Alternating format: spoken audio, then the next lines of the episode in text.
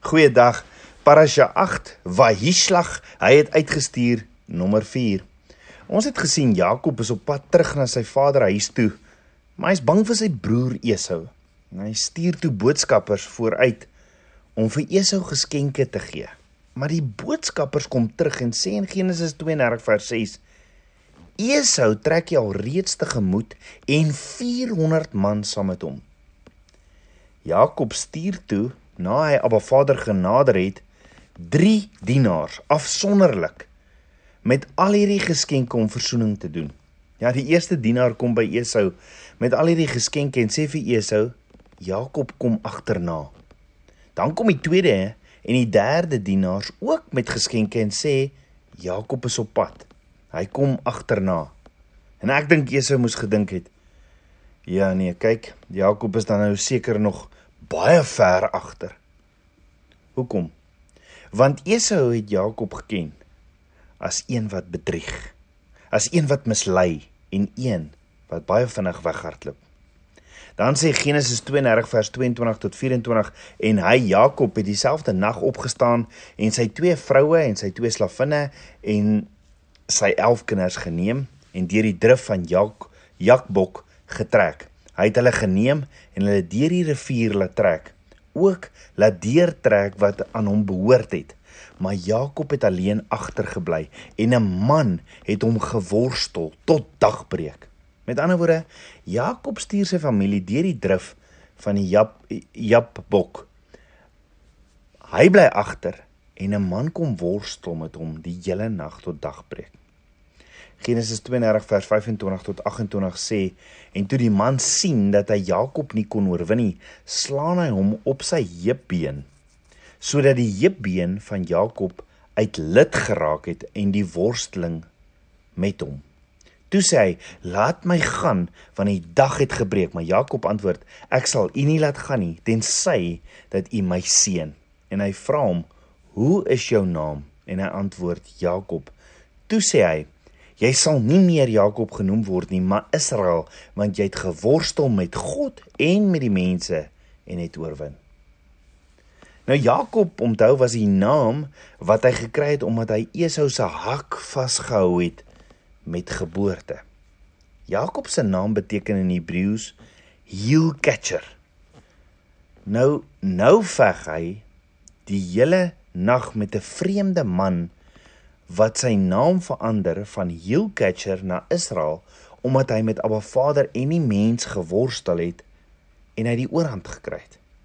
So waarom is dit so belangrik dat Jakob se naam verander en wat is die betekenis van hierdie naam? As ons teruggaan na die oorspronklike gee van Jakob se naam, sien ons iets baie interessant. Rebekka was swanger met 'n tweeling. Die eerste een wat gebore word, se hare is rooi en hulle noem hom Esau. Dis die regte naam vir so 'n rooikop seun, want Esau was harerig en rooi van kleur. Die rootwoord vir Esau se naam is Azza, wat beteken to do or to make. Dan na Esau was Jakob gebore en hy het met sy hand aan Esau se hak vasgehou. En dan sê die woord in Genesis 25 vers 26 en daarna is sy broer gebore terwyl sy hand die hakskeen van Esau vashou. Daarom het hulle hom Jakob genoem. So hoor gou, die verskil in die oorspronklike woord in Hebreëus is bietjie anders. Hoor gou, wat sê die oorspronklike? En daarna is sy broer gebore en sy hand die hakskeen van Esau vashou en hy die oorspronklike sê hy nie hulle nie. Hy het hom Jakob genoem. Die hy wat Jakob genoem het, was vermoedelik Isak, sy vader. Maar kyk na die kontras hier. Albei ouers het Esau Esau genoem, maar net een, net Isak noem Jakob Jakob. Wat van Rebekka? Hoekom was sy ma Rebekka stil? Het sy dalk nie so baie van die naam gehou nie? Hoor gou, Rebekka was nie die enigste een wat van Jakob se naam gehou het nie. Later in Jakob se lewe toe Jakob Esau bedrieg het of toe Jakob Esau in die hakskeen gebyt het, deurdat hy homself voorgehou het as Esau by sy pa Isak en die seëninge wat vir Esau Esau bedoel was van sy vader ontvang het, sê Isak vir Esau in Genesis 27 vers 35 tot 36: "Jou broer het gekom en bedrog en jou seun weggeneem." En daarop sê Esau: "Sou hulle hom Jakob noem?" Omdat hy my nou twee keer onderkruip het, my eersgeboorte reg het hy geneem en daar het hy nou my seun geneem. Nou onderkryp hier in Hebreëus is akweni wat beteken bedrieg, oneer en gewetenloos. Met ander woorde in plaas dat Jakob eerder daarvoor vra, het hy voorgegee hy's Esau. Hy het sy pa en Esau bedrieg en was agteraf. Hy was hy was nie reguit eerlik en opreg nie. Nie hy het Esau in die hakskeen gebyt. Onthou wat sê Abba Vader vir die vyand in Genesis 3 vers 14 tot 15. Abba Vader sê: "Toe sê die Here God aan die slang: Omdat jy dit gedoen het, is jy vervloek onder al die vee en al die diere van die veld. Op jou buik moet jy seil en stof moet jy eet al die dae van jou lewe en ek sal jou vyandskap stel tussen jou en die vrou en tussen jou saad en haar saad. Hy sal jou die kop vermorsel en jy sal hom in die hakskeen byt." So die vraag is, het Jakob nie dalk karaktereienskappe van die vyand getoon in dit wat hy aan sy pa en Esau gedoen het nie? So kan jy dink wat het Esau gedink van Jakob wat 3 dienaars stuur met geskenke? Maar dink daaroor. Ons weet Esau kom met 400 man Jakob tegemoet. Maar hierdie keer kom Jakob wat kontak wil bewerkstellig met Esau. Dis nie meer dieselfde Jakob wat weghardloop nie. Die ou Jakob sou Laban se huis verlaat het en Esau probeer vermy het, is dit nie? Onthou, Esau is ergens in die omgewing van Seir. Met ander woorde, Jakob kon maklik by sy vader Isak se huis in Kanaan uitgekom het sonder om sy broer Esau in Seir te waarsku of raak te geloop het maar hy verkies om dit nie so te doen nie. Nee, Jakob stuur dienaars na Esau toe en gaan uit sy pad uit om 'n ontmoeting te bewerkstellig met sy broer wat hom 20 jaar terug wou doodmaak. Dis nie meer dieselfde Jakob wat van sy broer gevlug of weggehardloop het nie.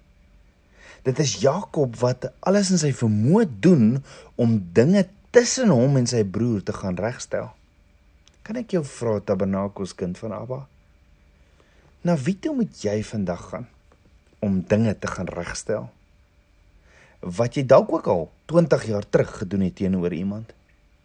Sal jy soos Jakob jou trots in jou sak steek en gaan verskoning en vergifnis vra vir die persoon wat jy bedrieg of mislei het?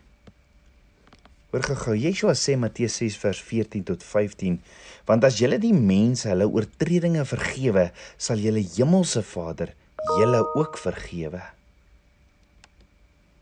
Maar as julle die mense hulle oortredinge nie vergewe nie, sal julle Vader julle oortredinge ook nie vergewe nie. Die woord vergewe hier beteken to release, to let go, to give up. So dink gou daaroor.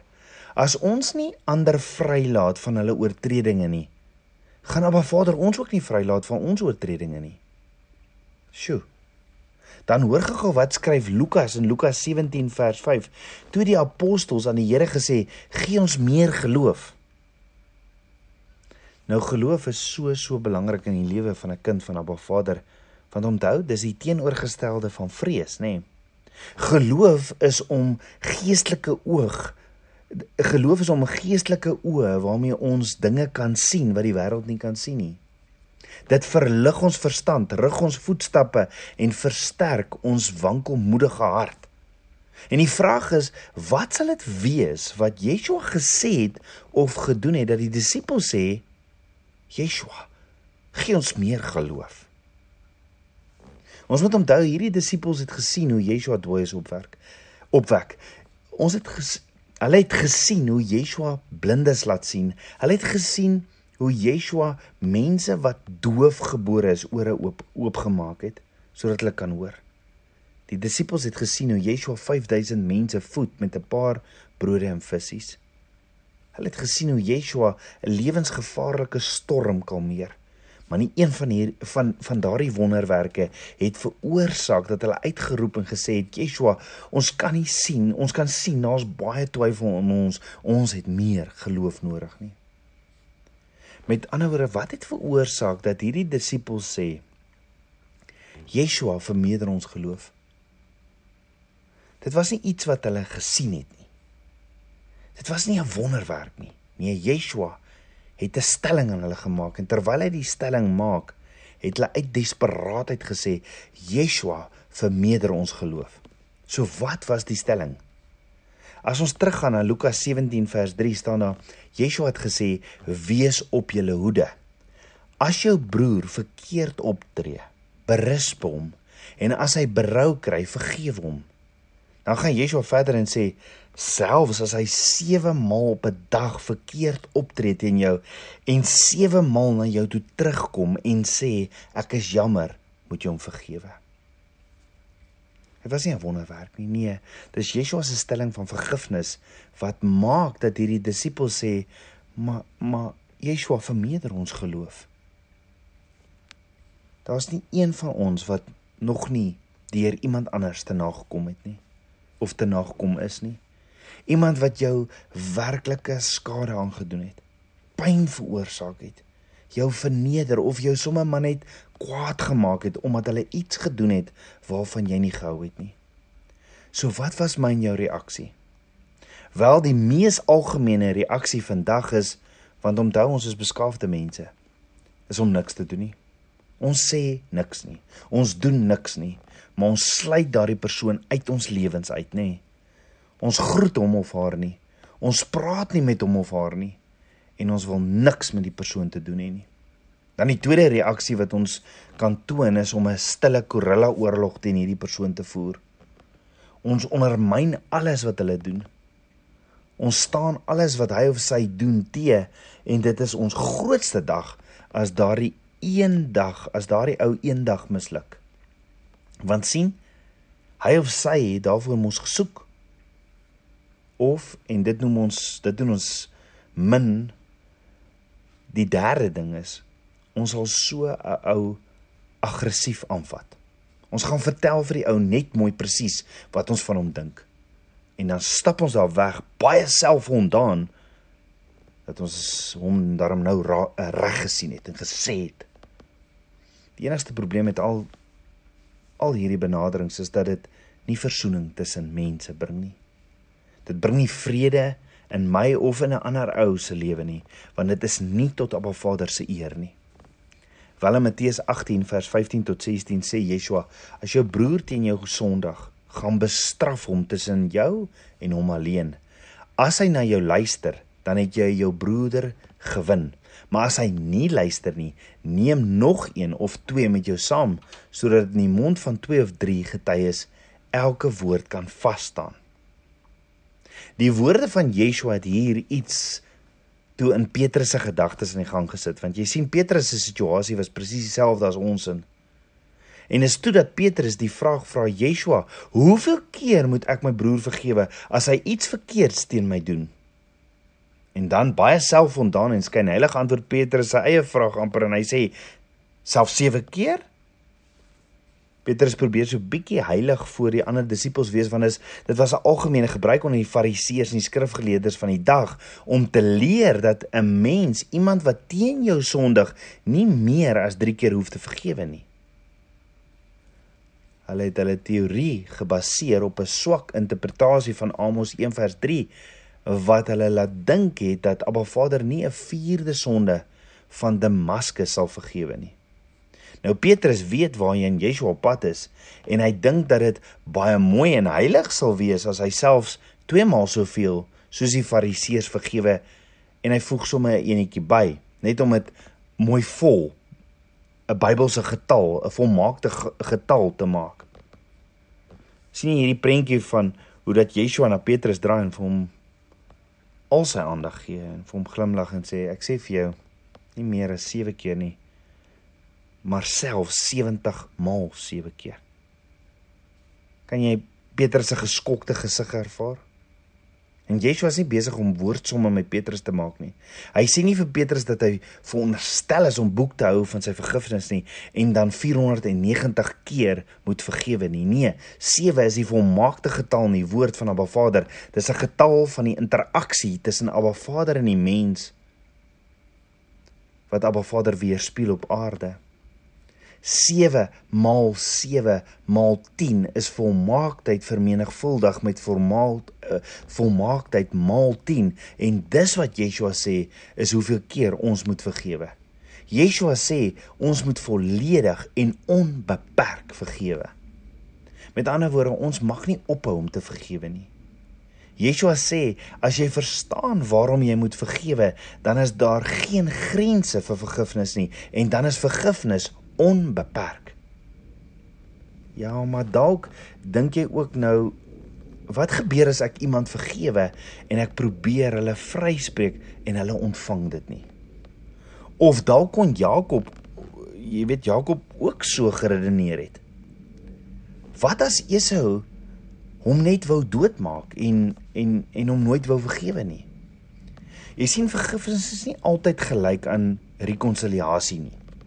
Partymal is versoening 'n proses. Want versoening vra die betrokkenheid van meer as een persoon. Dit kom nie net van een kant af nie. Vergifnis gaan oor jy wat vrygemaak word van dit wat jou wil bind en dit gaan oor jy wat vrykom. Opregte vergifnis in jou hart is as ek sê Abba Vader, ek spreek hierdie ou vry. Aba Vader, ek spreek hierdie man, hierdie vrou, hierdie persoon, hierdie een wat my seer gemaak het, hierdie persoon wat my by my kom steel het, wat net die hele tyd op my afkom soos 'n 10 pond hamer. Aba, ek vergewe hom. Dan word die beheer wat daai onvergifnis oor my lewe gehad het word gesuiwer en die autoriteit van die koning word op my hart afgedruk en ek laat hom toe om op die tafels van my hart te skryf en ek begin te beweeg in sy autoriteit. Dan partykeer sê die persoon vir wie jy verskoning gaan vra sê vir jou man vat jou verskoning en druk dit. Ek wil ek, ek ek wil niks van jou verskoning weet nie dan het dit niks met jou te doen nie. Jy sien voorsiening is versoening is is is ook Abba Vader se droom vir my en jou. Maar versoening vat soms tyd en partykeer is dit 'n proses. In die geval tussen Esau en Jakob het dit 20 jaar geneem. Jy sien is lewensbelangrik om hierdie te verstaan. Want ons wil baie keer die twee as een sien. En dis wanneer ek hierdie persoon regtig vrygespreek het in my hart. Maar dit voel tussen ons of dinge nog nie reg is nie. Abba Vader sê gee tyd. Release, let go, let God. Want sien reconciliation sometimes take time. But forgiveness frees you now. Dink gou daaroor. Miskien is jy die een wat iemand anders se verskoning wat hy of sy vir jou gevra het teruggegooi het in hulle gesig. Repent daaroor vandag. Sê vir Abba, jy's jammer. Want jy beweeg buite Abba Vader se wil as jy dit doen. 70 maal 7 keer sê Yeshua, moet ek iemand vergewe. Dis hierdie volmaakte vergifnis. En wat beteken dit? Dit beteken Ek moet aanhou vergewe totdat dit volmaak is en totdat ek hierdie volmaakte vergifnis bereik het. So kan ons vandag regmaak en vergewe. Dis Abba Vader se droom vir my en jou. En mag ek en jy ook soos die disippels vra, Abba, gee my meer geloof. Abba Vader se woord leer ons dat ons selfsugtige liefde die grondslag is vir ware vergifnis want Paulus sê in 1 Korintiërs 14 vers 4 tot 5 liefde hou nie boek van die kwaad nie. Kom ons kom ons vergewe. Soos wat ons verwag Abba Vader moet ons vergewe. Om oor te ponder. Was dit die hart van Jakob? Is dit dalk die rede vir die naamsverandering van Jakob na Israel? Kom ons bid saam Aba Vader skepper van hemel en aarde, skepper van my hart, ek loof en prys U. Vader, vergewe my my sondes. Vader, gee my meer geloof. Vader, as daar enige iemand is na wie toe ek moet stap vandag, soos Jakob, al is dit skade, iets wat ek iemand skade aangedoen het 20 jaar terug, wys vir my, Vader. Vergewe my en help my om in geloof te reageer en vergifnis te gaan vra. Vader, was my met die waterbad van u woord. Meer en meer van u. Ek bid dit alles in Yeshua Messie se naam, die seun van Jahwe. Shalom